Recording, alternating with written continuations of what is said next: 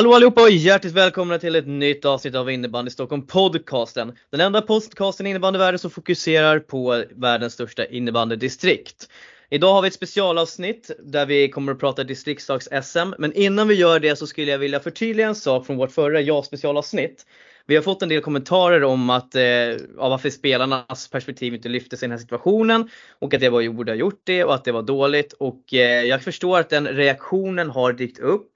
Eh, vi, vi resonerade som så att eh, vi känner inte att det fanns eh, rimlighet och i, både i tidsmässigt att hinna med att prata med alla de tre innan det här skulle spelas in. Och dessutom att då prata med de här tre i en situation där de befinner sig med mycket frustration över att deras övergångar inte har gått igenom och att det har varit mycket skriverier och det har varit säkert mycket mellan klubbarna också.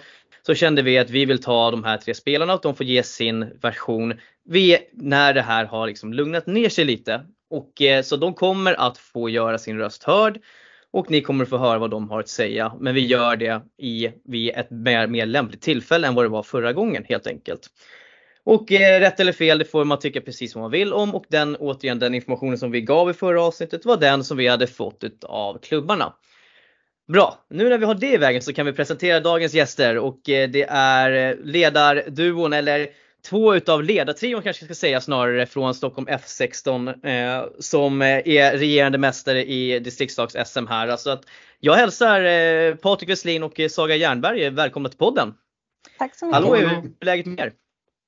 Eh, det är bara bra. Kul att vara här. Ja, det är fint tack. Det är en eh, bra torsdag även idag. Ja, det är bra torsdagar, det gillar vi. Mm. Och eh, ja, eh, regerande mästare som, som sagt, hur känns det att gå in i kommande SM med den stämpeln? Ni tog ju tillbaka guldet till Stockholm där. Då. Ja men eh, tudelat kanske. Vi, vi är väldigt eh, taggade på att åka tillbaka och eh, nästan ännu mer eh, liksom på hugget skulle jag vilja säga. Sen så kanske det blir lite mer press på oss även om en silvermedalj också ger en viss press såklart. Ja nej men absolut. Jag tänker vi ska väl prata lite om den resan. Jag tänker att ni kan väl få berätta. Jag vet det finns ju presentationer utav er på förbundets hemsida om man är intresserad av att läsa det. Men jag tänker alla är väl inte, brukar väl inte gå in på de där sidorna. Så jag tänker ni ändå kan få presentera er själva lite och vad er innebandybakgrund är. Jag tänkte du kan få börja Patrik. Ja, eh, ja, jag hamnar väl i facket för de där innebandynördarna om vi kallar oss så. Eh, är väldigt nördig kring innebandy, tycker det är fantastiskt kul. Eh, jag spelade för länge sedan blir det väldigt länge sedan eh, eftersom jag har nått den åldern. Så min karriär började i Järfälla, anrika Järfälla IBK. Eh, och sen så gick jag till den mer mytomspunna Balrog IK och spelade där. Eh, det var en fantastisk tid. Sen måste jag säga då Hässelby Hawks som hette på den tiden. För Anders Mörk kommer bli arg på mig annars, som är en av ledarna här.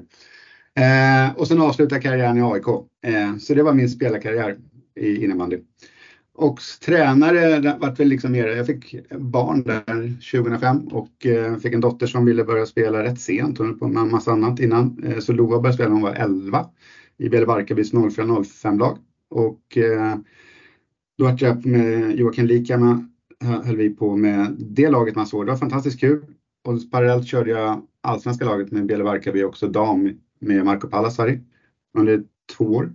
Och sen var jag ett kort inhopp nu i AIK, i allsvenska laget under våren efter SM. Eh, Anna Wik valde att följa barn istället så jag hoppade in i hennes skor. skor stora skor att fylla i och för sig. Men eh, det var kul eh, och sen har jag kört Stockholm 06 i fjol och 07 i år och nu parallellt hjälper jag till lite med U19 och med, inför VM här för öst, östra delen av Sverige.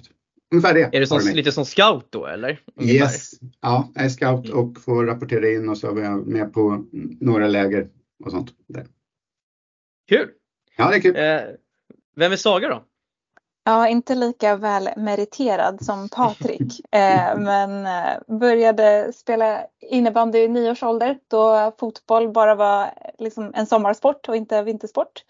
Eh, i lille, lilleklubben Råsunda IS som kommer och går eh, i serierna. Eh, och där hade jag väl hela min uppväxt. Eh, och sen fortsatte innebandykarriären på västkusten eh, i IBK Göteborg som var uppe en kort session i SSL här. Men eh, det var inte när jag var där. Och sen har jag representerat ett antal Stockholmsklubbar när jag kom tillbaka till Stockholm. Bland annat eh, Tyresö och Älvsjö. Eh, men tränaruppdraget började egentligen då via fotbollen när jag var 14 att jag tyckte det skulle vara otroligt kul att få testa på att träna. Och sen vi, på innebandysidan var det när jag var nere i Göteborg och sen tog jag en paus när jag kom hem för att satsa på mitt eh, vanliga jobb. Eh, och sen kom jag in i Hammarbys juniorverksamhet vilket var eh, väldigt kul där många spelare sen eh, har fortsatt upp till damlaget där jag har varit med på ett hörn till och från. Men annars kanske jag nog är känd för den äldre publiken som instruktör på ja, jag representerar ju Stockholms sida eh, av instruktörsutbildningarna även om det tillhör Svenska innebandyförbundet. Så mm. mig träffar man ofta eh, i en konferenssal och går eh, barn och ungdomsutbildningen mm. eller steg ett ute på Bosön. Jag kan ja. fylla i där att eh, jag fick gå utbildning hos Saga förra hösten. Mm. okay. Min, det är viktigt med licensen. Ja, licensen för att jag hade gått ut efter de här tre åren. Så att jag hoppade in, fick ha Saga som ledare. Aj, aj Patrik, du måste, måste ju ha koll på licenserna. Det är, du vet ju sen gammalt, det där är, det där är viktigt. Ja, eh. jag hade kölen. Ja, vad var, vad var det för att du gick då? Var det den vanliga grundutbildningen eller var det någon så här steg 1 variant? Nej, du, du hakade på den vanliga eh, grundutbildningen. Men då kan jag ju göra lite smygreklam och säga att ja, om man har gått grundutbildningen och behöver förnya sin licens då måste man inte gå den igen. För numera finns det något som heter licensfortutbildningar så man kan gå träningsplanering eller innebandyfys eh, eller ja, något annat mer spetsigt än att sitta där och lyssna igen. Så till alla, alla tränare som är där ute, så tänk på det när ni ska förnya era licenser. Det är faktiskt ett jättebra tips för jag brukar alltid göra så när jag ska förnya min licens då är det alltid så att ja, jag tar någon utbildning som ändå kanske ger någonting. Ja, men det kan mm. vara alltifrån ja, men, atleten eller att det är ja, men, träningsplanering som sagt. Nu senast så körde jag steg 1 på svart tror jag, mm. Eh, innebandyspelaren till exempel. Eh, så det är ett jättebra tips verkligen. Mm. Eh, men Saga, du, jag vet att jag, jag har sett dig figurera lite i Hammarby men du har inte varit där någonting på senaste tiden nu eller är du mer involverad där fortfarande? Nej, eh, jag lovade dem förra året att jag skulle komma när distriktslaget var över. Eh, men mm. sen fick ju jag min eh, lilla dotter två mm. veckor mm. efter sista kvalmatchen. Så att eh, nu, nu försöker jag foka på henne och stadslaget och sen några utbildningar ibland. Ja, jag, sen har jag, vill jag ju åka och titta ibland för att jag känner många av spelarna. Så mm. att jag är där och, och träffar dem och pratar med dem. Mm. Ja, men jag förstår precis eh, situationen. Jag hade, min, eh, min son var ganska nyfödd och min dotter när jag körde 05, eller 04 och 03. Det var ett ganska långt spann där mellan de två turneringarna om vi säger som så. Eh, ja, nej men eh, superkul som sagt att få lite bakgrund för er också. Vi ska ju prata liksom lite, lite SHC, men jag tänkte liksom vi kan väl börja med för att eh, lite av intresse. Så hur, ni körde ju 06 första gången förra året och eh, hur när och alltså, hur kändes det när ni fick frågan att vara distriktslagskapten? Vi kan kalla det för distriktslagskaptener eller kaptener helt enkelt. Eh, nej men eh, väldigt otippat men otroligt eh, roligt. Jag tänkte att de inte hade koll på, på lilla mig om man får uttrycka sig så. Men eh, av eh, egoistiska skäl får man säga så, så tackade jag ju ja för att det kändes ja. som ett otroligt roligt uppdrag att eh, att få köra väldigt ärofyllt. Och då mm. visste jag inte vem Patrik var heller, så det var ju spännande. Ja. Nej, Hur gick det för dig då Patrik?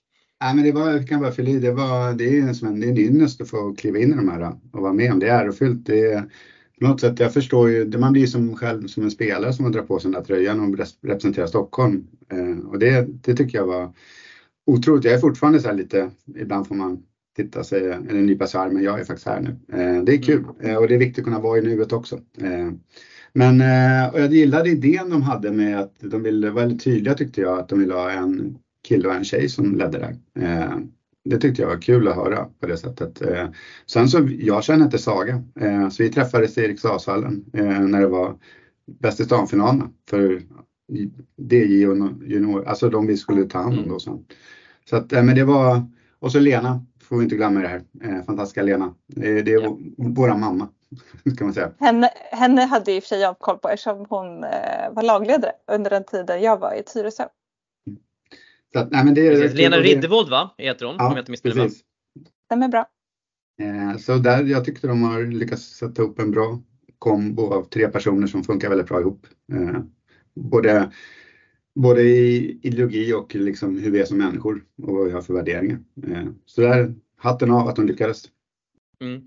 Ja, jag vet ju att även på när jag och Mårten Storm körde så ville man ju få in en, en, en ytterligare en tränare, en, en kvinnlig tränare då också, men då var det mm. lite svårare. Så att, eh, jag tycker jättekul också att du är med och kör Saga. Det, mm. jag tycker det är så otroligt viktigt. Sen hade vi, vi fick, hade ju två kvinnliga lagledare där då, Lisette eh, Klang och Marie Numell som var fantastiska också. Så att den här lagledarrollen är extremt viktig också. Så att, eh, så att Lena kommer säkert att lyssna också. Det, ja, du är inte med idag men din roll är ändå otroligt viktig, det ska vi säga. Mm. Um, jag tänker så här, eh, Saga, vad var ditt första intryck av Patrik? Eh, ja men väldigt trevlig och lättsam. Eh, och sen tror jag vi möttes i innebandynörderiet. Eh, mm. Men och då vill jag lägga till att det inte bara är liksom spelet utan det runt omkring med individerna och alltså lagbygget.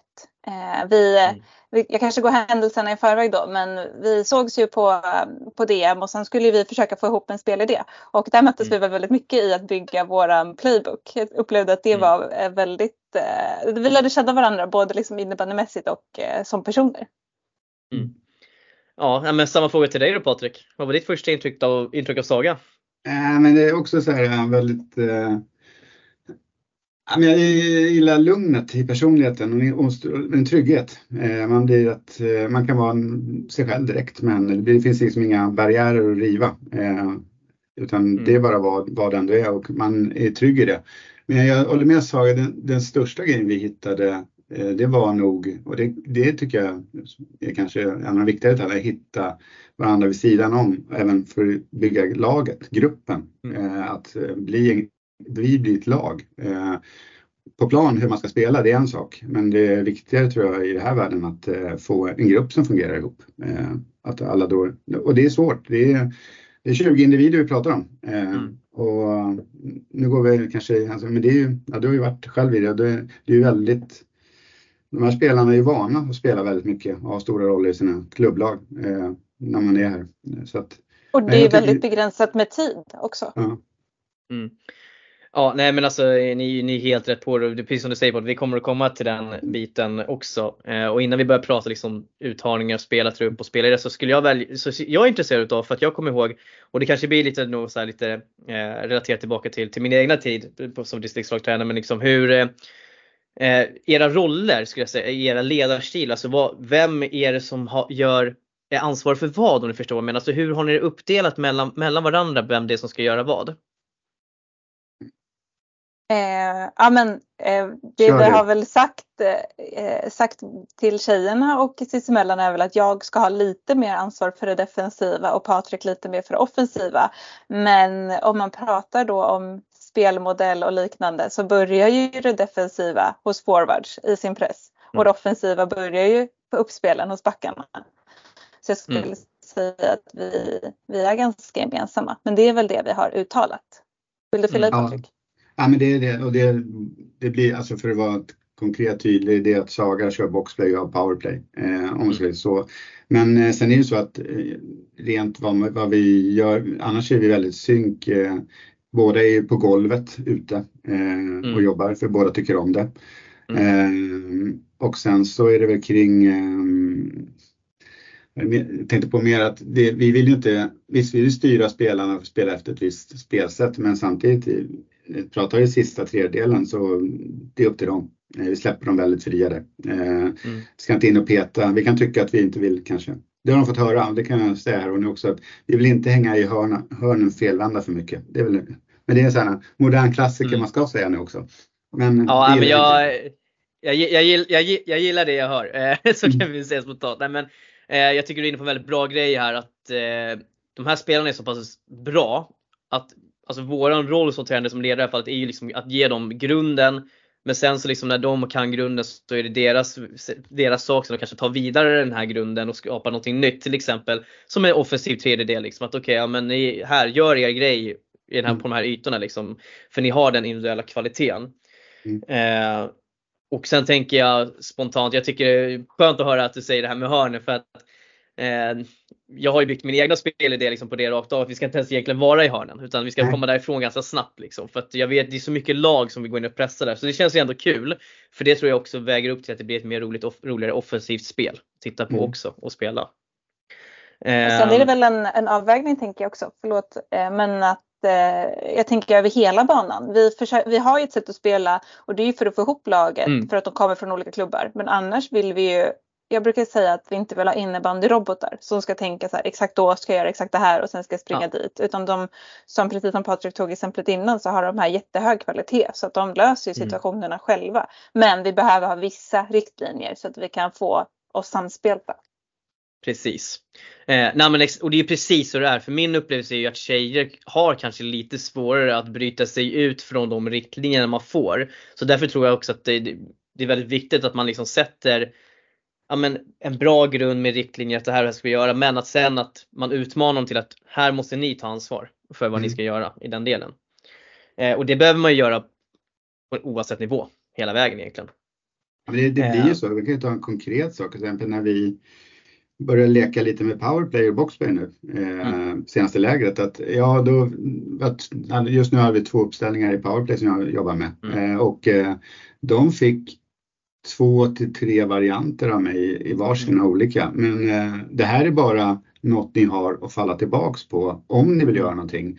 Eh, annars är det upp till er att göra situationen. Eh, utan det är bara så de har en trygg punkt att kör de fast Mm. eller, eller står och rullar i en minut på utsidan så kanske man måste göra någonting och då är det bra att ha någon sak. Men annars är vi inte inne och petar så mycket i det. Eh, mer, Ja men precis. Mm. Eh, jag tänker vi ska prata lite om eh, eran, eh, eran resa förra året där med 06. Men Mm. jag skulle vilja, du var inne lite på det här Patrik, liksom när man spelar trupper. Jag gissar på att det är säkert många som alltid är fundersamma kring det här. Okej men vad- vi tar ut, man ska ta ut 20 spelare, liksom, vad är det som så här? Och jag tänker någonstans att ni får väl berätta liksom lite hur, hur ni tänker men i grund och botten så det är ju inte, och det, det vill jag alltid förtydliga, det gör jag varje gång jag pratar distriktslag, liksom det är ju att det är inte de 20 bästa spelarna man tar ut till en trupp. Utan det man gör är att man tar ut de 20 spelarna man tror kommer att kunna vinna ett guld egentligen. För att det är Mm. liksom, det är ju olika, det är ju alltid olika roller, det är ju alltid olika eh, alltså vad ska jag säga, spelare med olika spetsegenskaper som man behöver ha i vissa situationer. Och nu får du väl, ni får väl rätta mig om jag har fel här, men jag upplever att den, de positionerna som är svårast att ta ut och som är viktigast att ta ut, det är ju spelare 16, 17, 18 utav utespelarna. Det är de här spelarna som man vet som kanske inte kommer att ha exakt lika mycket speltid under SM, men som ändå är de som också ska ge mycket energi och liksom ska kunna, kunna vara beredd att ta. Och då kanske det inte alltid är lämpligt att ta en spelare som är superduper, alltså som är, alltså som är sylvass liksom. Som vi kanske räknar med jättemycket speltid. Ni får rätta mig om liksom, jag har fel här liksom, men jag tänker väl någonstans att de positionerna är ganska viktiga också. Mm. Man kan börja med, jag tycker du är inne på en sak där om man tittar på eh, du har helt rätt i det. Vilka 20 det i slutändan blir betyder inte att det är de 20 bästa i Stockholm. Eh, Men eh, det är ju många, tittar man på i år så är det många tjejer som har, hur man uttrycker sig, fallit ifrån under resans gång som vi, både jag och Saga ser det här är jätteduktiga innebandyspelare, det är inget att diskutera. Eh, och det, det känns ju i de här när man ska lämna besked till de här, för det, det blir så dramatiskt där och då eh, kring det, det beslutet. Men, och det vill jag säga, det har varit extremt utmanande det här året ska jag säga att få ihop de här 20 och i, truppen om man ska generalisera det är byggd på att om du delar truppen i 50-50 då så är 50% av truppen är rätt fasta på sina positioner. De är backar, center eller forwards. Eh, Medan de resterande 50 är väldigt flexibla. De kan spela back, center, forward. De kan spela höger, vänster. Alltså man kan laborera med dem rätt mycket och det gjorde vi förra året också med att vissa spelare uttagna som forwards men spelade back eller Mm. SM. Och det jag vet att det hade du också på din resa. Eh, så det, att- ja. det, det där är liksom en sak och det bygger lite på vilken idé vi har hur vi vill spela också. Eh, Mm. och, och vilken typ av spelare. Det blir ju, du söker ju en del rollspelare. Eh, generellt söker du väldigt mycket fart i fötter. Eh, att det ska vara, och starka duellspelare. Det är liksom grunden man tittar på. Jag tänkte, vi ska ju prata lite om spelartruppen sen, då tänkte jag att du ska få berätta lite om tankarna just kring den faktorn. Mm. För jag gissar på att ni hade gjort, för jag, jag kan ju bara dra en anekdot då, från, speciellt från 03 för att där, eh, där hade vi ju just det som du säger, liksom att okej okay, vi hade vi hade backar som var bra, men vi hade inte backar som kanske var så bra för det sättet som vi ville spela på. Eh, och då gjorde vi om en massa, ett gäng spelare till, till backar helt enkelt. Eh, mm. för, att, för att det skulle passa vår spelidé. Och det var ju samma sak med 04 också. Så att det där är ju också en sån sak att bara för att man är satt på en position när man blir anmäld så är det inte den positionen som du kan, i slutändan kan spela på. Och där tror jag också är någonting ibland som spelare och andra runt omkring hänger upp sig på att men alltså, varför har ni tagit med henne? Hon är till exempel är center men hon står som back nu plötsligt. Varför är det så? Hon konkurrerar på sin position. Um, så jag tänker det där det var en bra punkt som du tog upp där, liksom att även om du står i en position så behöver det inte bara betyda att det är den du spelar i slutändan. Nej, och det är ju också bra för ibland kan man ju liksom kanske tänka som spelare att så här, ah, men om jag bara hade fått spela på den här positionen som jag brukar vara på så hade jag kommit med. Och mm. så enkelt är det ju inte heller utifrån att vi ska bygga det här laget och spelidén. Det blir att vi tjatar mycket om det men ja. eh, vi vill ju stoppa spelare där de passar in i det pusslet för att bygga det laget. Mm. Och om man får spela på en annan position än den man är anmäld som så är det ju för att vi tycker att man gör det väldigt bra. Man ska inte se det som någon mm. sorts bestraffning utan att det är där vi tror att man kan passa in i pusslet. Ja, nej men precis och speciellt när det är så här kort tid som man har på sig att förbereda sig också inför ett SM. Eh, och dessutom så har man ju nästan aldrig full trupp på plats på de här eh, träningarna och de här eh, matcherna i och med att det ligger inklämt med den vanliga klubblagsverksamheten och NIU och allt vad det nu är man håller på med. Mm. Och sjukdomar. Ja, ja absolut, framförallt det. och ehm, jag tänker någonstans att eh, vi kommer tillbaka till spelartruppen men jag är lite sugen på, ja, ni körde ju ert första SM förra året, ni vann guld. Eh, hur, var den, hur var den resan skulle ni säga? Och jag tänker alltså, vi behöver inte titta kanske så mycket på för det som hände innan SM, men just själva SM-resan. Alltså hur, hur var den och, liksom, och vilka lärdomar fick ni med er därifrån som ni har kunnat ta med er till den här uttagningen nu för 07 -orna?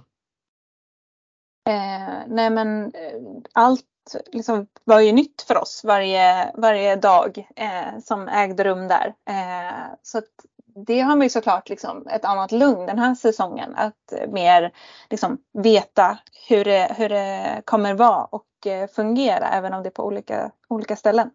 Men en viktig lärdom är väl just kommunikation. Eh, att det kan aldrig bli för mycket av det och det går alltid att vara ännu tydligare än vad man tror att man har varit. Eh, och det gäller ju liksom allt ifrån eh, spelidé till feedback till olika saker. Eh, så det, och det är inget unikt för det här laget skulle jag säga heller. Mm. Jag, jag håller med, det var ju precis som Saga, det var ju som att kliva in i en ny genom en ny dörr varje gång. Och så visste man inte, och det börjar under hela resan egentligen med process, om man tar det från hösten eh, mm. fram till man tar ut den befintliga SM-truppen där så var det ju när ska börja liksom smalna av gruppen smalare, smalare, smalare tills du har dem du ska åka med. Det var ju också nytt för oss och vi får ju säga, Saga pratade lite kort om det här om men att vi, får, vi hade lite hjälp förra året på golvet så vi fick titta mer. Det var ju, vi hade Max Bruce där som vi får tacka för det som mm. skötte väldigt mycket eh, hands-on på golvet. Vi hann titta på spelarna. Men i år har vi kanske mer, det är också en lärdom, i år har vi varit på golvet helt och hållet och inte denna förändringen vi gjorde kanske, som kan, det tyckte jag var, det var bra. Vi hade med oss, eh, från första uttagningen i maj hade vi med oss tjejer från 06 och eh, 05 stadslagen som var där på uttagningarna eh, och fick berätta lite själva hur det här var. Eh, och de hade vi med oss hela resan fram till vi tog ut träningsgruppen tror jag var. Mm. Eh, så vi hade alltid för detta stadslagsspelare med oss på uttagningarna. Ja, eh, jätte, jättebra. Alltså vi, jag vet att vi gjorde samma med 04 första mm. uttagningarna. Eh, sen så vart det ju som det vart med, med covid och allt sånt där. Mm. Men, men jag tycker det, det, är jätte, det där är jättebra. Alltså för att det tror jag också bidrar till att skapa ett ett lugn någonstans för att okej, okay, här är spelare som i princip är jämngamla med oss. De har gjort den här resan. De vet vilken press eh, som, som ligger på, på oss och oss själva och dylikt. Och, eh, så att, ja, men jag tycker det var, ju, det var ett superbra eh, en superbra grej att göra, absolut. Aha. för det är ju det är som du säger, du vill ju få ner liksom, de har, de, det är en anspänning att gå på de här uttagningarna och axlarna är rätt höga och handlederna kan vara rätt krampaktiga emellanåt och det gäller att få bort det så mycket som möjligt så att de vågar vara sig själva i en ny miljö för de är ju inte sitt klubblag plötsligt. Jag kanske har några med sig men sen är det ju 15-16 nya, om ännu mer i början, tjejer där mm. som de ska helt plötsligt hitta bredvid. Eh, och, ja, och, förlåt, en av de tidigaste selekteringsprocesserna också som är så tydlig officiellt. Ja, mm. precis så. Men en annan sak vi, vi tog med oss var väl just att eh, det är kort om tid. Så att i år mm. har vi ju börjat ännu tidigare med att försöka prata om vår spelidé men också lägga tid på, på lagkänslan och, och teambuilding aktiviteter.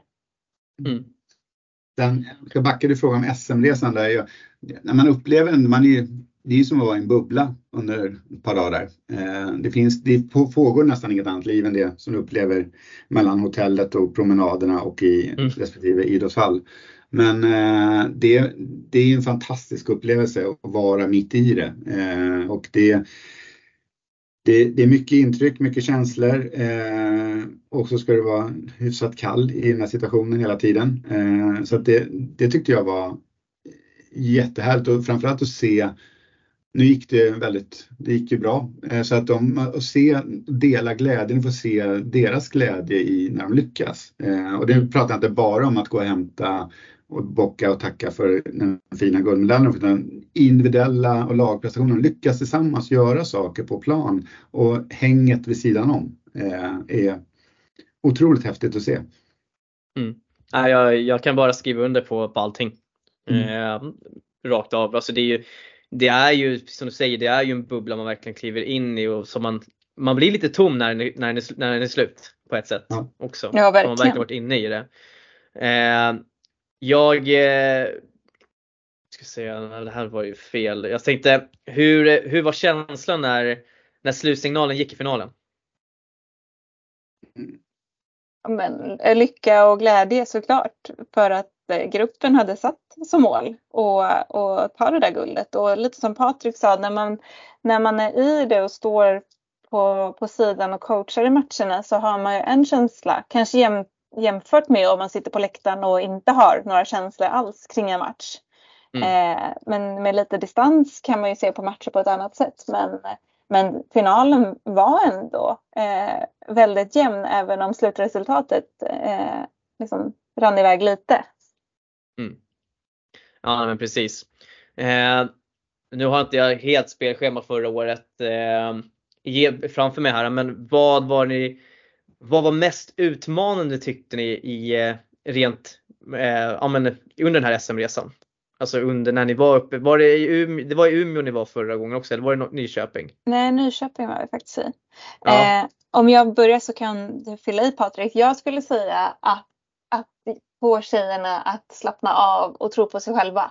Eh, liksom för, vid första perioden, första matchen, då var det som att allt vi hade pratat om, det var bortblåst. Och det hände flera gånger under, under turneringen i vissa skeden. Eh, mm. så det skulle jag säga är en stor utmaning. Att man, man kanske inte har spelat inför så mycket publik men det är ju uppenbart att det, liksom bland de allra bästa spelarna i Sverige man möter hela tiden. Så att liksom hålla nerverna i schack och, och fokusera på gameplanen är ju en jätteutmaning. Ja, mm. första matchen är hemsk. Rent sagt. Det, det, den har sitt egna liv. Ja, det är två matcher svenska. Det är den första och så är det första i slutspelet. Eh, den kvarten är alltid. Ja.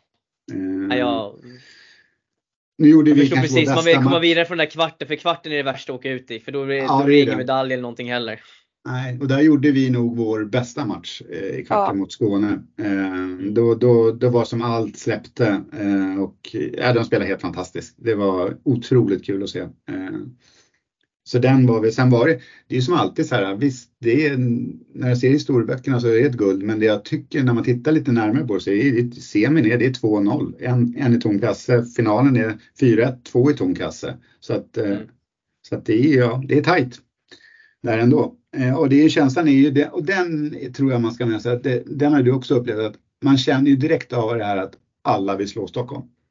Eh, de gör sina bästa matcher mot Stockholm också. Ja, eh, Ja, det, definitivt. Eh, vi åkte ju på vi, man åkte på ett par sådana under SM, speciellt med 03 erna eh, mm. och eh, det, det är verkligen precis som du säger att alla går igång extra mot oss. Och samtidigt så tänker jag som så här att det är väl så det ska vara någonstans också.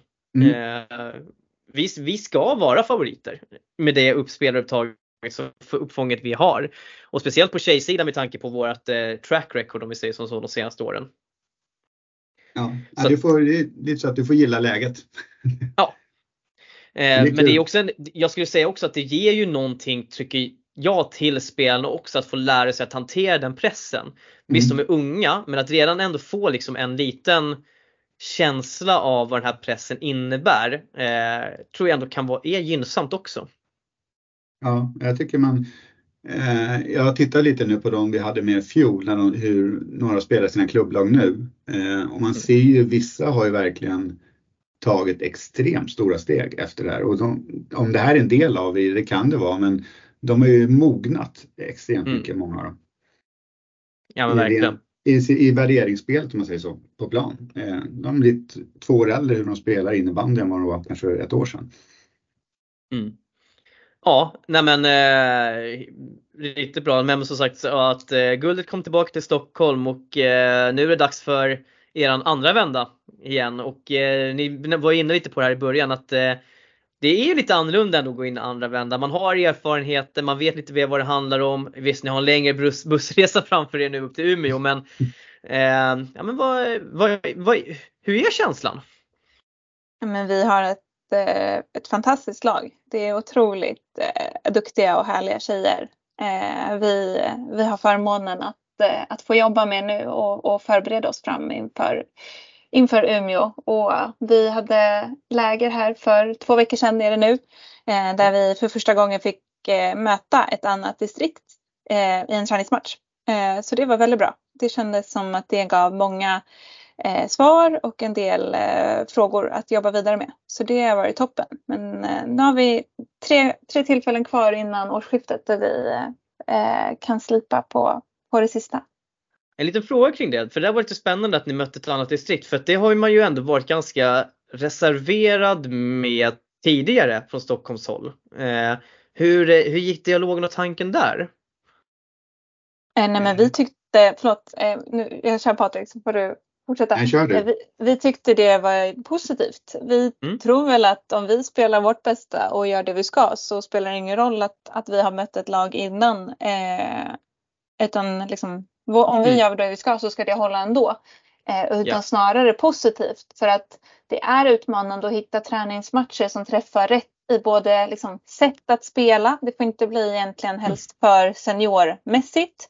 Men mm. det måste också vara eh, hög kvalitet. Så det här var superbra och de andra distrikten spelar ganska mycket mot varandra i olika mm. turneringar och liknande. Så vi yeah. ja, tyckte det var super.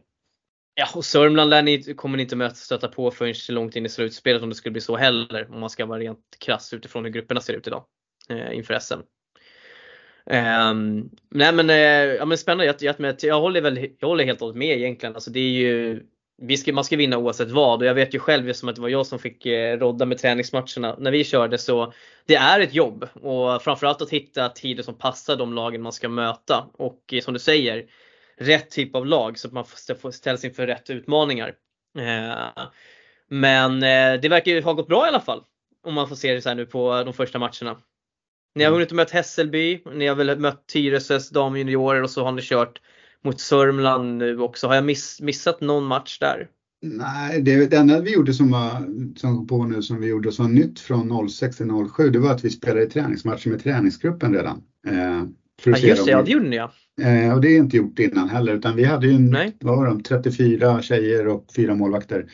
Eh, så vi delade ju det egentligen bara söder och norr. Så mötte vi TT och deras juniorlag, så Täbys, en mix av deras allsvenska och juniorlag eh, mm. i varsin match där. Och det, det var kul att få se tjejerna redan där i hur de är och eh, just att de får chansen att spela med andra spelare och som de normalt kanske inte spelar med heller. Eh, och det det tyckte jag var en, en bra sak. Sen håller jag med om det resonemang kring Sörmland. Jag tycker det var, det var en nyttig liksom, upplevelse för eh, för oss och framförallt tror jag för tjejerna. Att för det var mm. en match som var på riktigt. Eh, det mötte rätt typ av motstånd. För det, hatten av till alla som ställer upp och spelar de här matcherna. För det, det, det är ett hästjobb att få ihop dem att få, och få rätt typ av matcher. För att seniorigt det är inte det vi kommer uppleva om en månad uppe i Umeå. Det är inte den typen mm. av innebandy som kommer spelas där. Nej. Så att eh, vi är väldigt tacksamma för de klubbarna som hjälper oss och Stockholm att ställa upp med matcher för både pojkar och tjejerna. Eh. Mm. Ja, nej men absolut. Och uh, skulle du säga så, det, det, det, ni får välja själv hur mycket ni vill säga utav det, men de här träningsmatcherna som ni kör med träningsgruppen, i och med att det var ett nytt, uh, nytt grepp på det hela.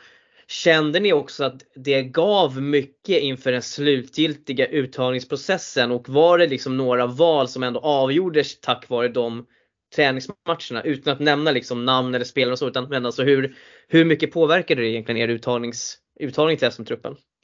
men, först och främst så vill vi väl liksom se det som ett tillfälle till, alltså det blir ett extra tillfälle för tjejerna att få mm. visa eh, sitt spel och också visa liksom vad man är för, för spelartyp och, och, hur man passar in i laget. Så att jag skulle vilja säga att det, det, man ska se det tillfället som ytterligare ett tillfälle som bidrar till vår helhetsbedömning. Eh, mm. och det gav absolut svar på, på frågor vi hade inför eh, de matcherna. Eller vad säger du Patrik? Ja, ja men jag håller med. Det var, det var, det var nyttigt att se liksom, och även få liksom, ha en kommunikation med spelare under matchen och det är i, liksom, och se hur de fångar olika direktiv och eh, input i spelet och få liksom, kommunikation med spelarna eh, när de är i spelet under matchen. Det, det var väldigt intressant men jag tycker generellt ja, det är svårt att säga om det var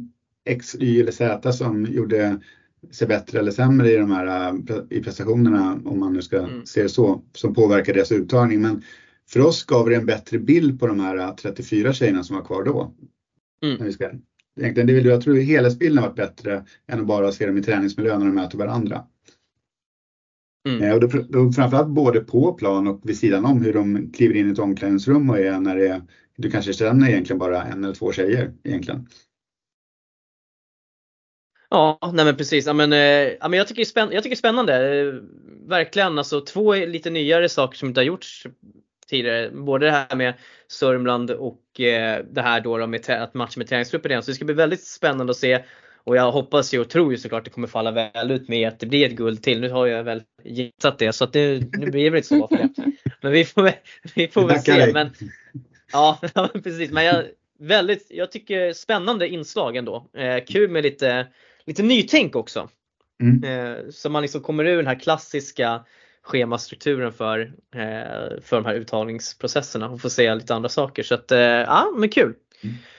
Ehm, jag tänkte vi ska prata lite, lite spelartrupp här och så här, eh, vi pratade lite om det på förhand också så här, men vi behöver inte gå in och titta på eran trupp namn för namn. Men vi kan väl göra så att vi kollar för position på position. Så jag tänker vi tar målvakter, backar, Eh, hur känner ni? Vill ni ta centra för sig eller vill ni slå ihop centra och forward? Hur känner ni själva? Eh, du väljer Henrik.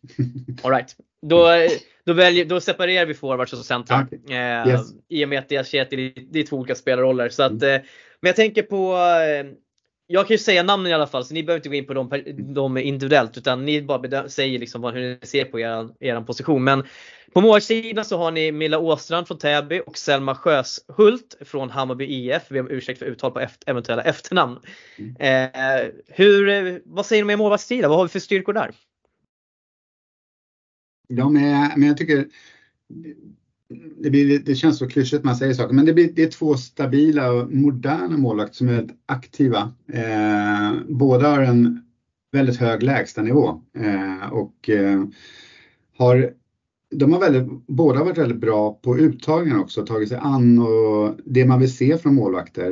Eh, de, de är det, säga, de, är, de faller väl in med hur den innebandy vi spelar från eh, när vi, så att säga, när målvakten, från målvakten vi räddar och vad vi ska göra sen. Där är, tycker jag de är bra. De är väldigt duktiga och snabba att hantera det, det sättet. Har du något mer Saga kring dem? Eh, nej men eh, det känns som vi har en bra duo som eh, skapar trygghet i, i laget. Eh, ja, mm. väldigt nöjda. Mm. Eh, ja men, men tack för det. Det låter ju ändå som att ni har ett, ett spännande målspar och säkert någon som har en riktigt bra kastarm också. Jag kommer ju ihåg, vi hade ju Ida Boman på 03 och det, var, det är det sjukaste jag sett när det gäller utkast. Så att, eh, det ska bli spännande att se. Och jag vet ju att det finns ju reserver så vem är det som är reserv på målsposten om det skulle hända någonting? Ja du Saga. Eh, det är Vilma Björk eh, från eh, JB eh, som eh, är med oss då ända fram till Umeå och vilket vi också är jätteglada för. Eh, för mm. det är toppen att ha tre så pass bra målvakter på, på våra läger och, och träningarna vi har. Mm. För det ska vi säga, eh, reserven är väl med och kör ändå det mesta som jag förstår det eh, egentligen. Absolut. Eh, sen liksom, det blir lite olika på matcher som du pratade om förut, ja. vilka man har att tillgå. Eh, men annars är de ju med hela tiden för att de också ska vara förberedda om någon mm. behöver åka med eh, på SM. Ja. Eh, tittar vi på eran backsida då så har vi Hedvig Rostad Folke, eh, Täby FC, Tyra Färingmark, Värmdö IF, Mimmi Sköld Magnusson, Salems IF, Klaradal, Salems IF, Emily Persson Linde. Eh, det kanske inte är fullständiga efternamn här för jag ser till punkter. Eh, så ber om för det. Värmdö IF och Alva Norén Danderyd. Och jag tänker som att Patrik körde målvakterna så tänker jag att jag lämnar ordet över till dig Saga och att berätta om er backsida. Vad har vi för typ av backar här då? Precis. Och Klara Dahl, men du kanske sa henne? Eh, ja, jag sa henne. Det sa henne. Bra. Eh, nej men eh, en eh, väldigt bra backsida med många bra fötter. Eh, det är starka duellspelare. Eh, trygga, lugna. Eh, sen har vi försökt tänka lite kring några som är lite mer starka kanske i det defensiva spelet och försöka para ihop dem med, med några som kanske är lite starkare i det offensiva spelet. Eh, och där har vi väl också några som, som vi ser att vi kan eh, flytta uppåt i banan också om, eh, om vi skulle vilja det. Eh, så ja, men en, en bra mix eh, som, eh, som både kommer se till att vi håller tätt bakåt men också skapar bra förutsättningar för anfallsspelet. Mm. Ja, men det känns som att det är en väldigt skicklig backsida när man ser, ser namnen och eh, de spelarna som är med här. Och jag tänker jag vänder mig till dig Patrik här. Eh, Elin Wadell är ju i princip en av Sveriges bästa 07 er Det måste man ändå ge henne. Hur är tanken att använda henne? Kommer hon att gå som back eller som center? För jag står och ser att hon är uppskriven här som både och. Hon eh, går i nästa sjok som det är nu. Eh, hon är, vi använder henne som center. Eh, men vi är fullt medvetna om att hon är, kan spela back, vilket hon gjorde under hela US-slutspelet där uppe i Falun förra året. Mm. Och det gick ju rätt bra när man tittar på den prestationen de gjorde. Salem som lag. Eh, så att nej, men hon är, vi vill använda henne som eh, center just nu. Sen bygger det lite på hur vi spelar också, vart hon hamnar. För hon är väldigt duktig att ta fram bollen i, i banan eh, mm. fort. Ja. Nu blev det lite individuellt här ändå men ja. då vet vi att hon kommer i centerkoket här. Och mm. eh, Patrik, vilka är det som är reserver på backsidan då? Eller reserv kanske jag ska säga. Det är Vilma Wahlgren från eh, JB också och så är det Truda från eh, kranen från Oxberga som är med. Eh, och de passar väldigt bra in i det som Saga sa kring hur vi ser på backarna eh, och vad vi behöver. Så att och de är med hela vägen. Eh, mm. Så det, det känns som de är med i den skaran eh, hela vägen. Ja, men eh, kul. Eh, och tittar vi på centersidan då, då, så hittar vi då Elin Wadell från Salem men går ju på RIG just nu. Eh, vi har Ida Hultsved från Åkersberga. Vi har Elin Lindström från FBC Sollentuna. Eh, och nu ber jag om ursäkt för uttalet här men eh, är det Cornelia Lundholm eller är det Cornelia? Hur uttalar man det? Ja. Eh, från Bele, eller från Bele Barkarby står det, men det är ju JB innebandy nu för tiden.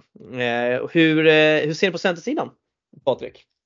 Eh, det är väl, man kan säga så att två är mer så här, ska säga så, klassiska centra, väldigt spelskickliga. Eh, mm. Har en förmåga att sätta sina kompisar i bra ytor och positioner. Eh, och så de andra är, ska jag säga, mer tvåvägscentrar, eh, starka i båda delarna men kanske väldigt duktiga på att ta fram bollen i fart från bakplan fort eh, och följa med hela vägen. Det är väldigt snabba spelare. Eh, så att det är en mix där. Sen har vi, innan vi går in på forwards, vi har ju forwards som kan spela centrar också och eh, vi har mm. en, var inne på en center som kan spela back också. Så att det finns en liten mix där och hur vi ser på det. Men just nu så är de här fyra vi använder som centrar. Mm. Ja, nej men eh, en bra centruppsättning också. Precis som du säger, det tydliga offensiva ånglok och tydliga tvåvägscentra som ska, kan, kan leverera båda banan och det är väl en, känns som en bra mix. Eh, men Sage, vilka, har ni någon reserv på centersidan också? Jajamän, vi har en reserv i form av Matilda Eklund från Åkersberga. Mm. Snyggt! Eh, jag tänker vi, vi tar forwards då och då blir, kommer ju frågan gå till dig Sag och där hittar vi Isabella, Isabella Holt från Täby FC, Hanna Andersson, Åkersberga IBF, Isabelle Malmberg och Linnea Malmberg från Huddinge IBS, eh, Selina Straumit eh, från Täby FC, Tilde Dimitrov från Tyresö Trollbäcken IBK, Esmeralda Hedstål, Salems IF och jo, Jolin Briston från eh, Täby FC.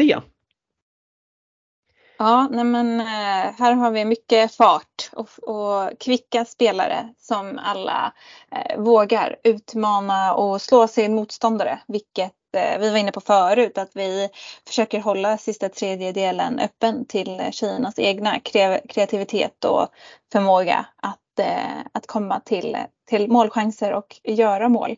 Men självklart så är de ju också bra defensivt också och samma här har vi flera vi ser att vi kan använda på, på olika positioner. Och så ett, ett gäng rollspelare också som vi tror att vi kan ha, ha nytta av under turneringens gång. Mm. Ja, eh, jag tyckte du sammanfattade ganska bra. När jag tittar på det här tvåårsgänget så ja, fart. Det är framförallt mycket fart med boll också. Väldigt kunna göra mycket saker i maxfart här ser jag. Så att det, ja, det ska bli spännande att se hur ni, hur ni eh, lägger fram den här forwardställningen sen när SM börjar. Det är stenhård konkurrens om man tittar på namnen här. Och, Verkligen. Eh, Patrik, vilka har ni som reserver? Eh, reserver där är Filippa från Täby och så är det Moa från TT som är reserver. Mm. Ja men det, nej men alltså bra trupp, alltså verkligen. Det är, jag tycker det är en otroligt eh, det ska bli en väldigt eller spännande komposition så att eh, vi ska se, det ska bli kul att se hur det går i SM sen och eh, hur det barkar och eh, om ni får se hur långt har ni kommit liksom tycker ni med truppbygge och så här, så känner ni verkligen att ni börjar få ihop tjejerna nu till börjar få det här laget som man ändå vill ha inför ett SM? Ja men vi vi pratade lite med en av våra kaptener efter förra träningshelgen och eh, vi upplever väl att, att den, liksom de här helgerna, de ger väldigt mycket. Och, och mm. framförallt kanske den här senaste tog vi ett rejält kliv i, i lagbygget.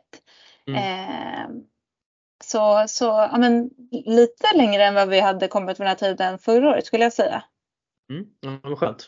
Eh, det är alltid skönt att ligga före i planeringen. Mm. Nej men det är väl eh, från lärdom från i fjol också att vi, vi implementerar spelidén och spelet mycket tidigare i år. Eh, mm. Hur vi vill spela. Eh, det var väl en sak som vi inte gjorde lika tidigt i fjol. Eh, den, så den, det är väldigt mycket gnuggande på de där helgerna. Eh, samtidigt som jag kommer ihåg att, att senaste helgen vi hade där i slutet på november var jag tror en tredjedel går, lägger vi på teambuilding eh, som är sanktionerad från vår sida och även från det, mm. tjejerna själva så de får bara hänga tillsammans och göra vad de känner där och då också. Eh, mm. Så att, eh, det, var, det var ett stort steg tycker jag, den, de helgerna som har varit nu. Eh, det var rätt intensivt en vecka där vi hade träningsmatchen tisdag, träning, föräldramöten onsdag, som var det en hel helg med matchen mot Sörmland inbakad. Så att, det, det var en nyttig vecka för oss. Ja, men jag, jag känner igen precis det som du sa där med det här med implementering av spelidén mycket tidigare för att det kommer jag ihåg också när vi började köra 04 att då tog vi, vi tog spelidén redan första uttagningshelgen på en gång. Alltså bara för att okej, okay, vi, vi är trygga med vad vi ska göra. Eh, låt spelarna få veta det på en gång så att eh, vi, spelarna vet vad det är de vi söker efter när vi, i våra uttagningar. Och det blir väl liksom en liten så här parentes och jag tror att vi kanske fick en fråga om det tidigare också men jag tänker jag ställer den nu ändå när vi ändå pratar trupper och uttagning och sånt där. när ni gick in i det här, eh, framförallt i år då, då i och med att det är 07 som ändå är aktuella. Vad är det för typ, alltså vad är det för spelartyper som ni har tittat efter på de olika positionerna? Vi har ju hört er berätta nu liksom lite om era trupper, men var det verkligen också de spelartyperna som ni som ni letar efter. Om vi börjar till exempel på, på målvaktssidan. Var det den här moderna målvakten som kanske är lite mer aggressiv i sitt målvaktsspel, vill komma ut lite mer liksom och möta eller utmana skyttar och dylikt. Alltså hur, vad hade ni för ingångar på spelare som ni ville ta ut? Eller spelartyper kan man väl säga. Börjar med du Saga.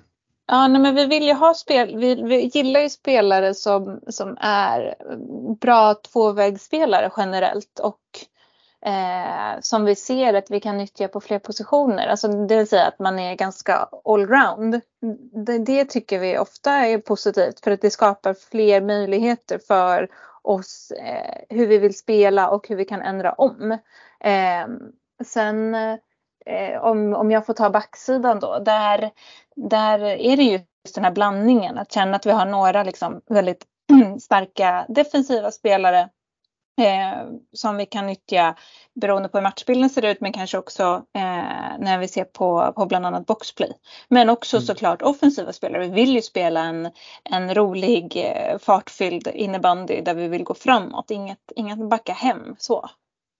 Mm. Mm.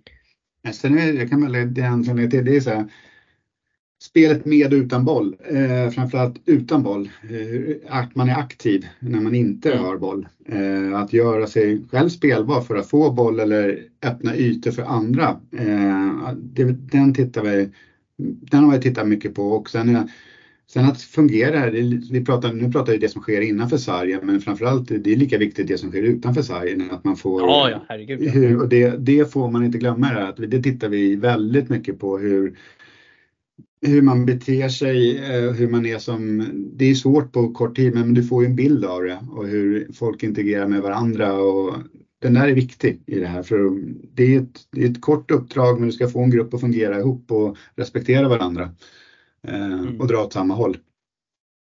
Alltså ja, du, du är inne på något som är jätteviktigt här att det som är just på sidan, det, det, ja, men, det, man, kollar, man håller ju väldigt mycket uppmärksamhet på det redan på uttagningen också. Liksom, ja. okay, vilka är det som tar för sig? Vilka är det som är liksom lite tillbakadragande? Och, för att man behöver ju få, ibland behöver man behöver ju ha liksom en mix men man måste ju se till att man har spelare som hela tiden kommer att kunna ge energi till laget liksom, som inte kommer vara energitjuvar om jag får säga, uttrycka det så. Mm.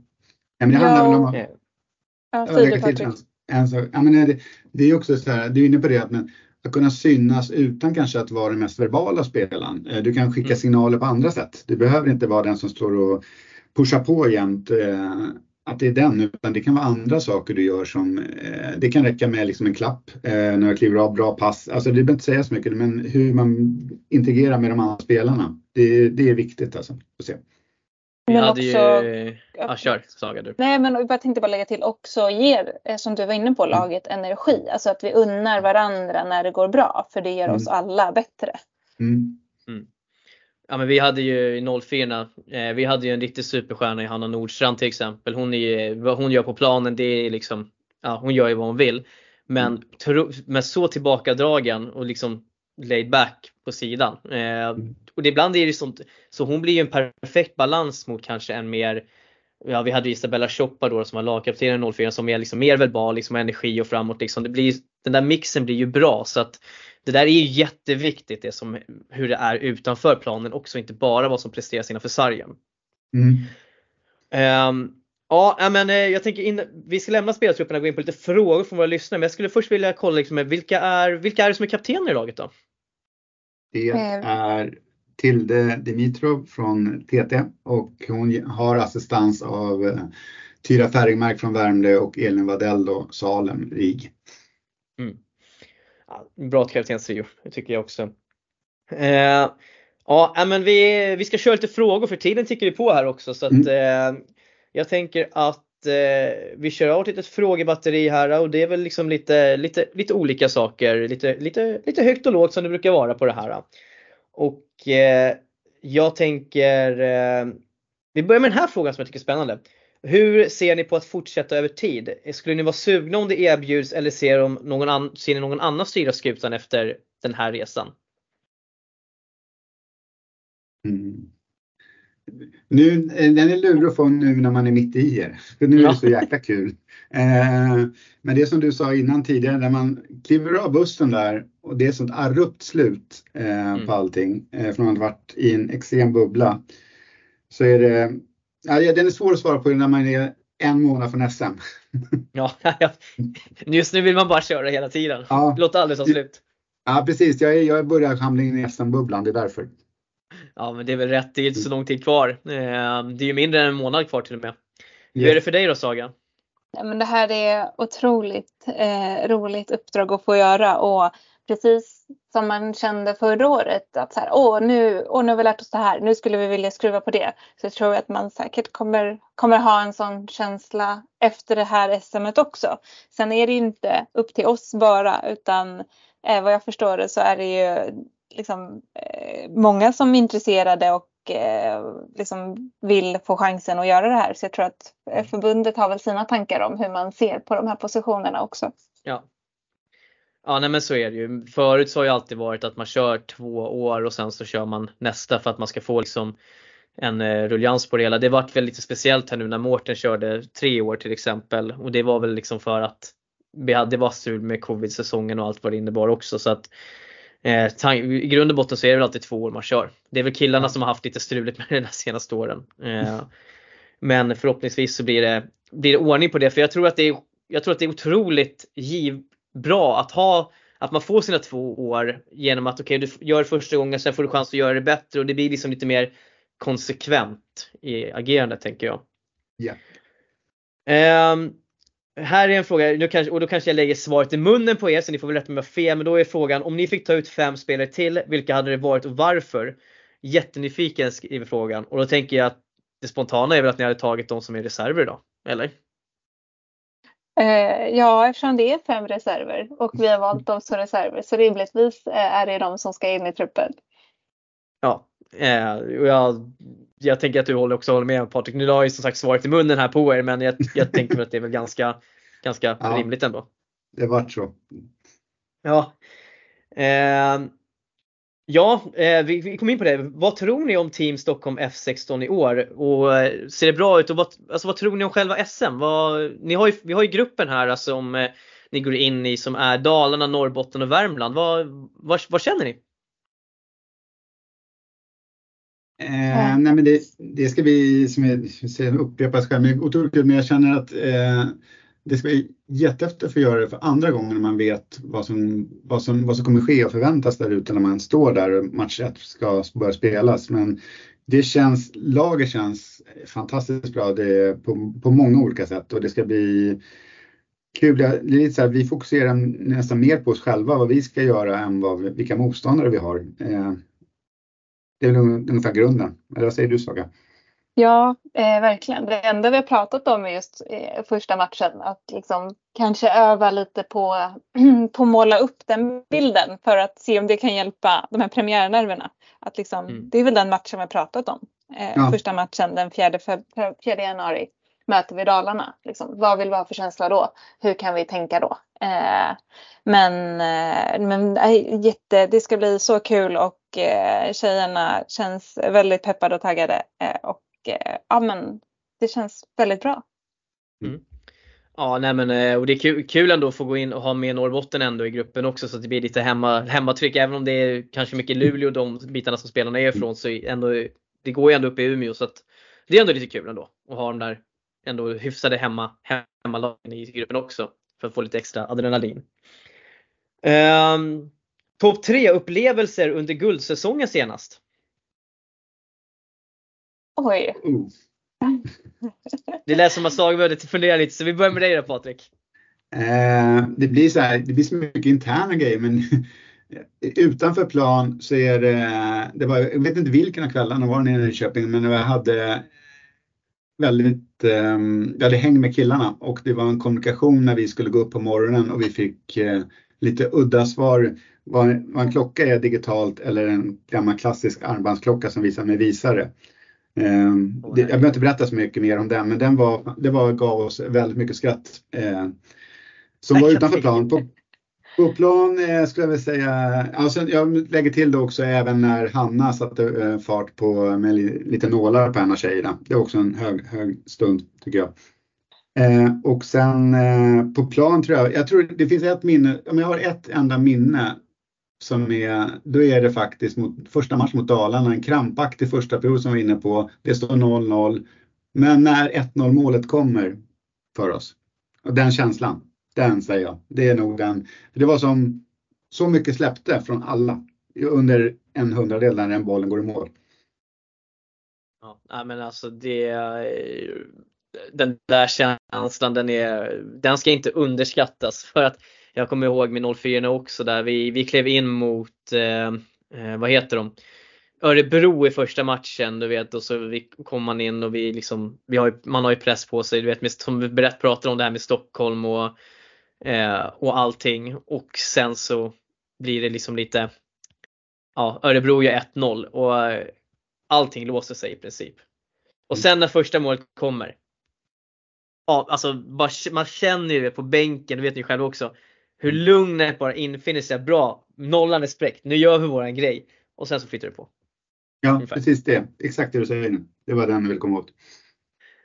Ja, men den är, ja men jag, fan kul och det där med klockan är fantastiskt alltså. För att det, alltså ni måste ha fått så otroligt roliga svar på frågan. Jag kan ja. se framför mig. Eh, Saga, du ska få ge dina topp tre då. Ja, men om jag börjar liksom under resan. Det här äh, lägret vi hade i slutet av november. Eh, när då öste vi på med teambuilding och sen hade Lena fixat en fantastisk adventsfika. Eh, för det var på, på första advent förra året. Det var verkligen en sån stund då tyckte vi eh, lärde känna varandra eh, mycket bättre och eh, vi skrattade väldigt mycket. Vi har en väldigt rolig eh, aktivitet för teambildningen där det mm. springs och ska komma sig ihåg saker och eh, ja, man står bara och skrattar åt tjejerna och de skrattar självklart också. Eh, och sen måste jag ju nämna igen den här, eftersom Patrik tog första matchen så skulle jag mm. säga eh, Skånematchen, eh, kvartsfinalen, när, eh, när allt bara lossnade. Och ja, men vi fick väl i och för sig lite hjälp att de inte tog någon timeout och vi gör väl eh, fyra mål på fem minuter ungefär. Eh, den matchen var verkligen eh, rolig eh, att genomföra. Och mm. sen, eh, ja men utöver liksom själva eh, final, eller jo det, det var det jag skulle säga jag tyckte tjejerna eh, jag minns det bara liksom med såklart nervositet men med glädje för att inför finalen så vart det såklart utdraget. Matcherna innan gick till straffar och förlängning. Och eh, tjejerna hanterade det väldigt, väldigt bra tyckte jag. Och eh, då hängde de i korridoren och de körde sina eh, danser som fångades på film. Eh, och eh, ja, men väldigt proffsigt av alla tjejer som behöll energin och peppen och ändå lugnet för att sen gå och ta hem guldet till oss.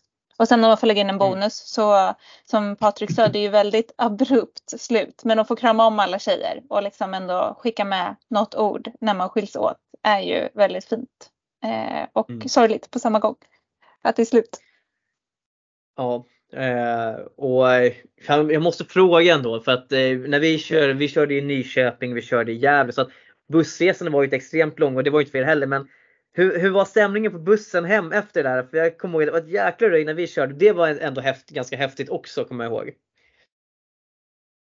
Ja, det, det var bra fart eh, på den, den dryga 1.20 det tar hem. Men den, den gick extremt fort. Eh, det var ja. kaos inne på det klassiska, de ska äta hamburgare på Max där, vi stannade till och helt plötsligt är SM pokalen borta. för, för, då har någon av tjejerna glömt den där inne. Men då har vi våran eh, kära Lena då som har styrt upp där och hon mörkade rätt bra rätt länge också att hon hade koll på den. det där, det där, det där blir man bara arg utav att man inte håller på ett sånt svar liksom.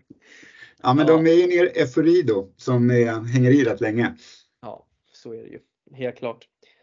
Ehm, en lite kanske lite mer då, då allvarligare fråga här men eh, så här, eh, borde man inte avdramatisera uttagningsprocessen?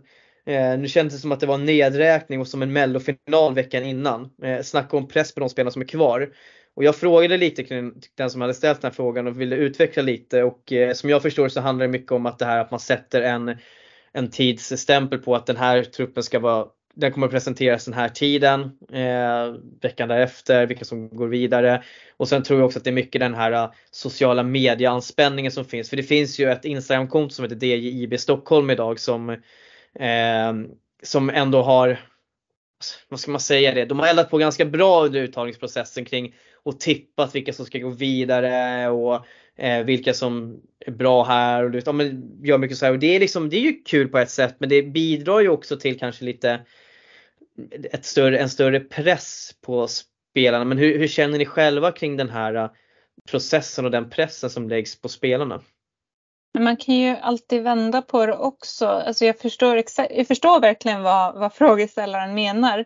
Men vi måste mm. ju också ha en tid vi liksom förhåller oss till och presenterar truppen. Ja. Eller liksom eh, för att om man, tänk, man kan ju tänka så att så här, ja, men om jag vet att det kommer den här dagen så kanske jag kan mm. försöka släppa det. Jag behöver inte varje dag, varje sekund gå in och titta. När kommer det? Nej, när kommer precis. det? Utan då vet jag, ja, fredag klockan fyra. Eh, men, eh, men det är såklart, alla, alla är olika och vill få informationen och ta till sig det på olika sätt. Eh, och det får man ju såklart liksom försöka respektera. Men jag tror att, man har att, att tanken är att man kanske mer ska kunna släppa det. Och eh, ja, vänta tills man faktiskt vet att det finns en trupp där ute. Mm. Ja men precis. Eh, och, eh, men som sagt, det är som du säger, man behöver ju ha den där tiden och det bidrar väl till att någonstans avdramatisera, att man inte behöver tänka på det de sex andra dagarna i veckan utan att man får, liksom, man får gå och avvakta egentligen eh, vad, man, vad som sker. Och sen så är det ju så här någonstans, jag vet inte hur, hur ni jobbat men jag gissar på att ni har gjort samma sätt men att man ringer ju oftast spelarna också innan den här äh, listan publiceras eh, och ger besked om huruvida man har kommit med eller inte. Eh, jag vet inte, ni gjorde väl ungefär något sånt eller körde ni lista rakt av bara? Nej, vi har pratat med, från träningsgruppen har vi pratat med de spelarna som innan den publicerades fick de besked att mm. Eh, de ja, inte gick vidare till SM-truppen. De fick det beskedet innan de såg listan så att säga på, eh, mm. på förbundets hemsida. Och reserverna måste vi också alltid ringa ja. för att kolla att de vill vara reserver. Man, mm. man får ju tacka nej om man inte ja. vill det. Ja, eh, ni får väl, det, det blir väl en fråga kanske från mig då, då men jag, jag, nu när vi ändå är inne på det. Jag vet ju själv att det värsta, som, det värsta man kunde göra det var Alltså det är alltid tråkigt att lämna ett, ett, ett dystert besked till en spelare att du kommer inte med. Men jag tycker nog ändå att de jobbigaste samtalen det var reservsamtalen just för att det är, liksom, det är en spelare som, som ändå liksom man kanske någonstans också ville ha med men som kanske liksom inte riktigt nådde hela vägen fram men som man ändå liksom vill, fortfarande ska vara inne i, i snurren ifall, för man vet att det kommer ju alltid, det händer ju nästan alltid någonting på vägen. Eh, vad känner, hur känner ni själva kring de här samtalen? För jag upplever att de här är, de här är jobbiga de här samtalen att ta. Eh, hur känner ni själva? Och vad är er upplevelse? Om vi börjar med dig då Patrik? Ja, men jag kan bara fylla i, du, du lägger nästan fint orden i mun på men de är ju jättejobbiga och i den här resan var det faktiskt även jobbigt eh, innan, inte bara till reserven utan även de som inte, som inte tog sig till reserv eller SM utan det, det var väldigt tajt i den här eh, med de sista spelarna vi hade med nu. Eh, mm. och det, det vart liksom man säger så här, um, det, var, det är jobbigt och det är aldrig roligt att lämna ett negativt besked till någon eh, och kunna göra det så att det landar hyfsat okej okay, eh, där och då. Eh, sen har ju tiden sitt jobb att göra efteråt men mm. jag tycker det man kan se som man har liksom noterat det ändå så här, det finns ju spelare som inte är med i den här nu och jag tycker när jag ser dem spela nu så gör de de har släppt och gått vidare och tagit på rätt sätt. Mm det, och det, det, det gläder mig att se när det sker att man eh, nästan motbevisar. Eh, ja men titta jag kan ju, jag är duktig. Eh, ja, och, du, det, och ta, istället för att låta den tiden äta för mycket av en där och då. Utan mm. det, det, är ett tungt besked men eh, livet går vidare. Det finns ju x antal exempel på det här. Det vet ju du också om spelare som inte varit ja. med Eh, som numera har gulblåa tröjan på sig och gör det väldigt bra. Eh, så det, det, är inte, man kan känna här och då, och det förstår jag att det är typ höger eller vänster man går, men det är inte sanningen. Eh, vägen fortsätter rakt fram. Definitivt. Jag, ja, där la du orden i munnen på mig. Mm. eh, Saga då, hur, vad, hur kändes det för dig med, med de här samtalen?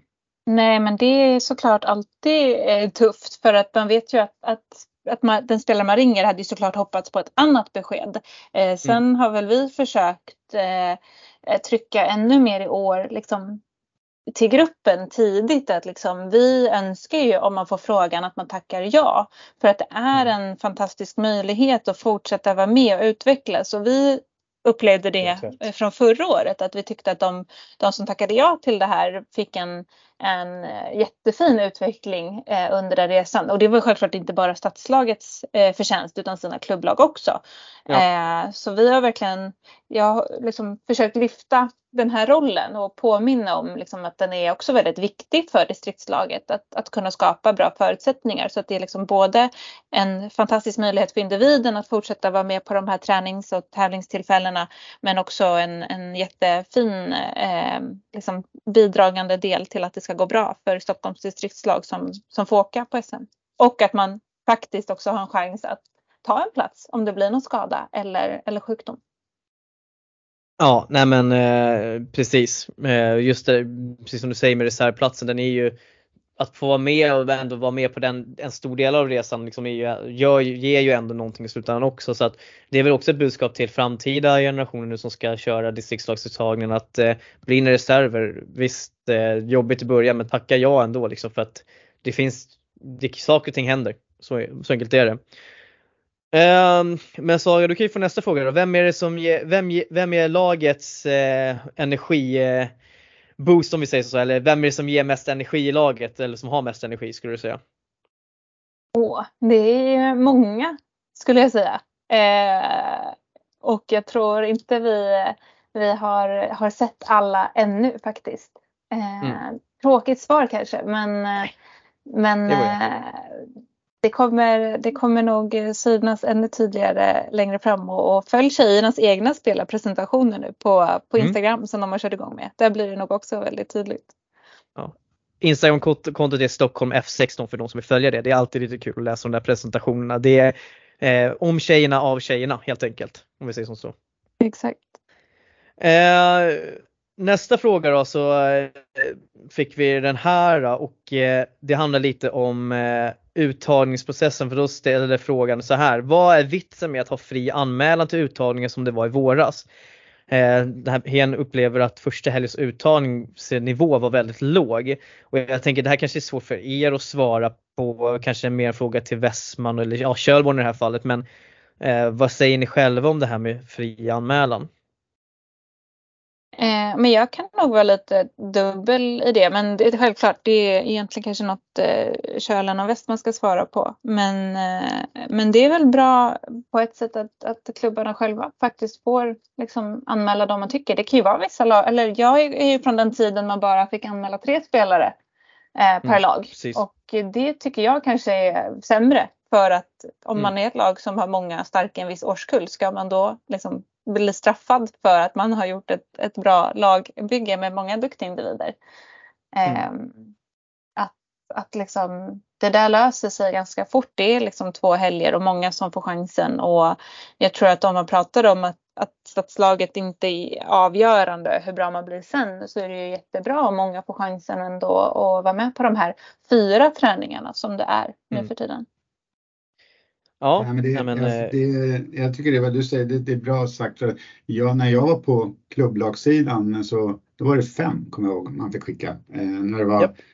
03, 04, 05 där. Och det, och har du en kull som du har mer än fem spelare som man tycker bör få chansen att delta så är det ju, då blir det, det var, det, det var lite internt i klubben när jag var där då. Okej, vilka fem är det? Men då löste man det ändå på ett annat sätt. Eh, att man prata med förbundet och jag tror där öppnades den dörren att det var flera som fick komma från klubbarna. Sen rätt eller fel, det finns ju två sidor av det här myntet precis som Saga säger. Ja, det gör det ju alltid. Mm. Eh, Patrik, hur ser aktivitetslistan ut på bussresan upp till Umeå? ja, jag såg, jag tittade faktiskt på de här, vad de själva skrivit att de ska göra. Många säger sova.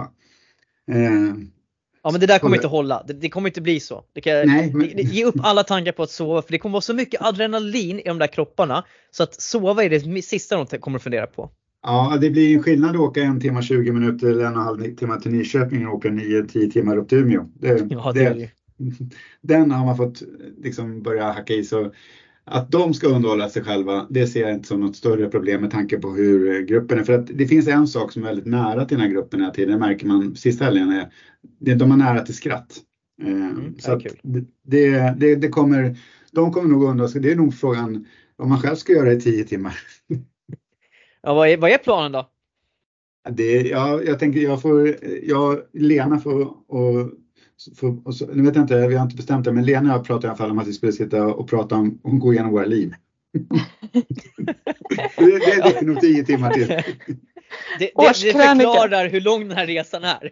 Ja, det, jag tyckte det. Och då har inte nämnt åldern på någon av oss än.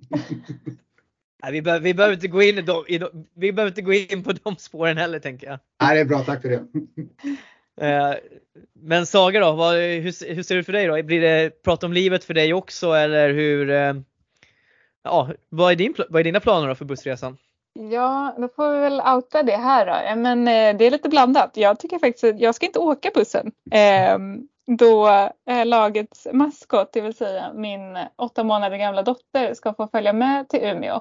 Så hon och jag eh, får faktiskt eh, ta tåget upp. Eh, men det känns också lite tråkigt att inte vara med i laget, måste jag Mm. säga. Eh, men, men det är för att eh, familjepusslet eh, ska gå ihop. Så jag kommer vara, om tåget går som det ska, vara först på plats och ta emot dem när bussen rullar in. Ja, nej, men, det, är- men ibland så är det sånt som behövs för att få livspusslet att gå ihop. Och, som jag, alltså det, är ju- det viktigaste är ju att du kan vara där och vara med så att eh, om det är det som krävs för att du ska göra det så är det ju inga konstigheter tycker jag. Eh, Nej, jag men eh, då får de faktiskt- ett varmt välkomnande.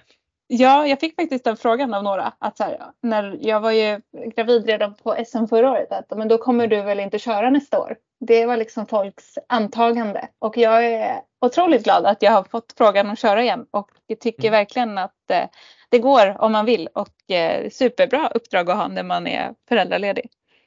Och Mm. jättetack till alla tränarkollegor och eh, eh, staben som eh, gör så att eh, det går att få till. Mm. Ehm, jag tänker eh, här, nu kommer vi tillbaka kanske till lite mer då, en lite mer omfattande fråga men eh, när man gör de här uttagningarna så är det ju, eh, alltså jag kan ju bara tala för mig själv att man ofta så ser man ganska tidigt eh, vilka spelare som kanske sticker ut rent innebandymässigt sett och att eh, man har ju alltid lite koll på vissa spelare innan uttagningarna. Men skulle ni säga att alla är, att man kan man säga att alla verkligen tävlar på, ah, på samma villkor? För att jag tänker så här att eh, ibland så har det funnits situationer där spelare har missat en del träning men ändå kommit vidare. Jag tänker framförallt att den här diskussionen blir aktuell när det gäller RIG-spelarna väldigt ofta. Att de inte, för de inte kan vara med på alla uttagningar och dylikt. Men eh, hur, hur ser ni på, de, på den här biten? Alltså hur hanterar man det att vissa spelare kanske inte behöver vara med lika mycket och ändå ta en plats? Men eh, det är en bra fråga. Vi, eh, vi, vill liksom, vi tittar ju på utmaningarna. Vi har ju fått frågor från spelare också. Ah, såg ni den här matchen? För jag tyckte inte det gick något bra då. Eller så. Och liksom, processen sker ju på uttagningstillfällena. Sen kan man ju liksom behöva se olika mycket av en spelare. Eh, som Mm. sagt, man kan ju bli sjuk också och missa och då blir folk jättestressade över det. Eh, men oftast så, så hinner man få sin uppfattning eh, och bild av en spelare ganska snabbt så länge man får se den på, på ett antal tillfällen. Eh, så jag skulle ändå säga, jag, skulle säga att det var, skulle vara mer orättvist om vi skulle behöva åka runt och titta på allas matcher. Och då är vi tillbaka till det Patrik nämnde ganska tidigt i, i den här Mm. inspelningen att det är en sak att leverera i sitt klubblag och en helt annan sak att, att liksom lyckas prestera på sitt bästa i den här miljön som är helt Ja. ny. Så, och sen så är vi också tillbaka till vad är det för lag? Men man vill ju, vi vet ju vilka, liksom, hur vi vill, vilka egenskaper vi vill titta på och ibland kanske det är mer av en rollspelare och ibland kanske det är Mm. den här defensiva backen eller vad det nu kan vara. Så att eh, man behöver inte vara för orolig och det är väl därför jag tycker det är bra med de här fyra uttagningarna i början att redan där hinner man faktiskt se ganska mycket på de tillfällena. Om, Mm. Jag ska inte prata om mig själv men då var det en träning Sen, sen var det inget mer. Liksom. Om man, då, det, då behövde man verkligen lyckas på den träningen. Nu har man ändå fyra tillfällen eh, att kunna visa vem man mm. är och, och vilken innebandy man, man står för. Ja, nej men eh, bra svarat och jag tänker väl att man eh, om vi tar Elin Wadell som ett exempel då, i och med att de går på RIG så är det väl så, så att eh, nu kanske RIG-fallen liksom är, är speciella ändå men man vet ju vilken kvalitet hon har som spelare. Kommer man in på RIG så har man, har man vissa kvaliteter eh, och då kanske man inte behöver se den spelaren lika mycket precis som du säger.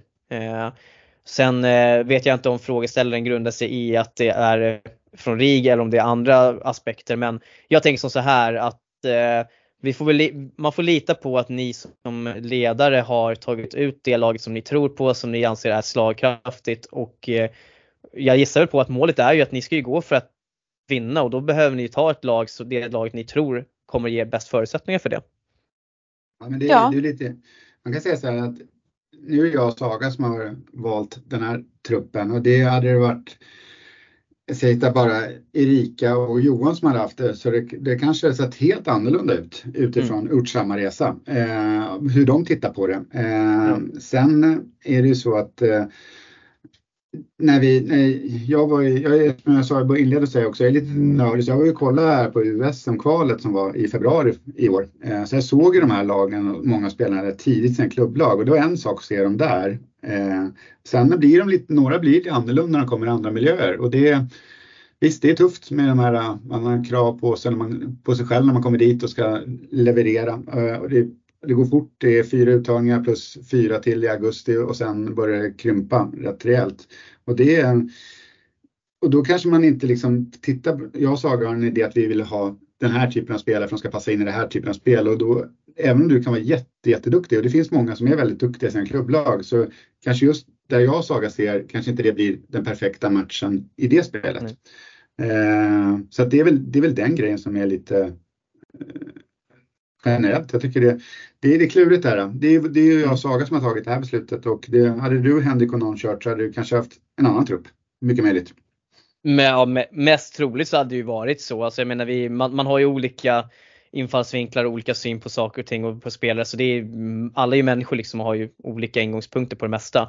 Mm. Eh, nu vart det väldigt, nu, nu, drog vi ut det långt här men det, jag tycker det var jättebra svarat eh, på den, helt klart. Eh, jag tänker att eh, vi har två frågor kvar, sen ska ni få röra er också. Och, eh, det börjar med att, och den här tror jag att jag vet svar på ganska väl och jag tror att de flesta ändå gör det, men det är, är tanken att alla uttagna spelare ska få spela lika mycket? Vi brukar säga så här till truppen både i år och förra året att efter en match då kommer vi kunna berätta exakt hur mycket alla har spelat. Vi kommer mm. aldrig kunna berätta det före en match för vi vet ju inte vad som kommer hända under matchen. Sen mm. åker vi till SM med förhoppningen och ambitionen att alla ska få spela. Sen hur mm. mycket, det går inte att säga utifrån hur matchbilden kommer vara. Alltså en, en som parameter är jättemycket powerplay, boxplay. Eh, mm. vilka är hela friska, saker kan hända. Så att det vi brukar säga till truppen är att vi kan berätta efter en match hur mycket du spelar och hur mycket du spelar och hur mycket du spelar. Men innan är det mm. svårt att säga. Men vi vill att alla ska få spela så mycket som möjligt.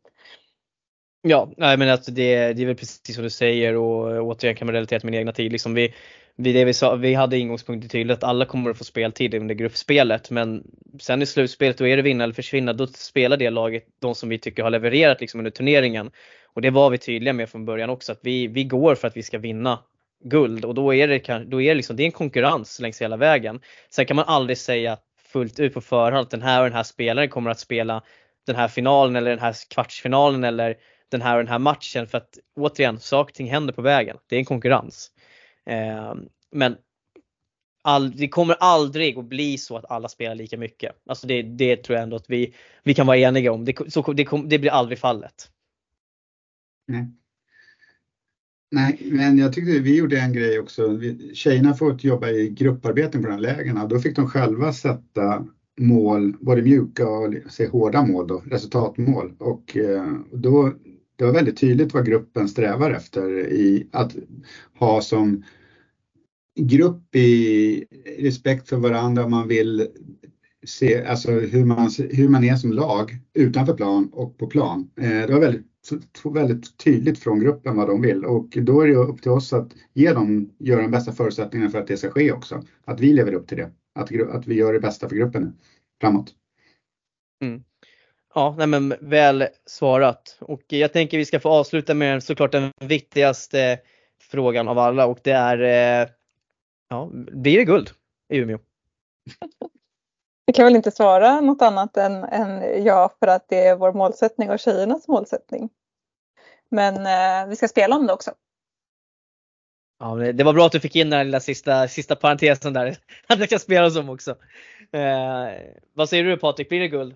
Nej, men jag, jag, det är tjejernas målsättning. De har satt den och vi sätter den med dem nu eftersom de har satt den också. Så det är jag. Men det är, det är som du har själv varit i det. Det kommer vara och är mycket upp till vad vi själva presterar eh, där och då. Eh, för laget i sig är jättestarkt och bra eh, och det finns mycket vi kan laborera med för att förändra saker om vi vill, eh, hur vi spelar. Så att eh, vi har en väldigt, jag skulle säga också spetsig, vi har spetsighet i den här truppen. Det finns väldigt mycket saker som man kan ha väldigt mycket nytta av i, i ett, just den här, det blir, det blir som att spela en turnering. Det är en turnering i gruppspel och slutspel. Det känns jättebra. Ja, fast, och det vi har sagt till tjejerna och som vi var inne på tidigare avsnittet. Varje match för oss är som en final. För alla mm. vill ju slå Stockholm. Så att det är många matcher. Många småfinaler som ska vinnas innan man står där. Och eh, ja. förhoppningsvis har en guldmedalj runt halsen. Ja, ja nej, som... men precis. Och alltså jag menar du sa det Patrik, alltså, ni har ett väldigt, väldigt bra lag och jag menar det är ju, det ska man verkligen säga att det är ingen liksom garant för eh, succé heller. Jag menar, vi hade 04 var ett otroligt spetsigt lag men vi hade ju jättesvårt till exempel att få ihop våra femmor under turneringen och det höll på att sluta illa för oss också redan under gruppspelet. Och sen så lyckades vi lösa det ändå. Så att jag menar även om man har ett jättebra lag och det ska vara favoriter så är det många parametrar som fortfarande som ska, som ska flytta ihop. Ja, Eh, och det är det, just det, det är pusslet just nu, att hitta kemin mellan eh, olika eh, kedjor, personer, eh, backpar, hela femman. Det, det är ett pussel att lägga. Eh. Mm. Ja och sen som sagt vi, vi är ju inte där än. Eh, det, vi hoppas ju att alla kommer vara hela och friska. Eh, mm. Så att, vi får hålla tummarna för det också. För det hade vi förmånen att ha förra året. Ja, Ja, nej men eh, hörni, jag har inte så mycket mer än så utan eh, stort tack för att ni ville vara med och göra det här. Det blev ett längre avsnitt än vad jag hade räknat med men eh, kul ändå. Och jag kan väl bara avsluta med att önska ett stort lycka till helt enkelt uppe i Umeå. Tack, tack snälla och tack för, tack för att du fick vara med också. Ja, det var så lite så. Eh, och till våra lyssnare eh, önskar jag er en eh, riktigt trevlig helg för ni lyssnar troligen på det här på en fredag eller en lördag eller söndag. Så att med det sagt så säger vi hej då!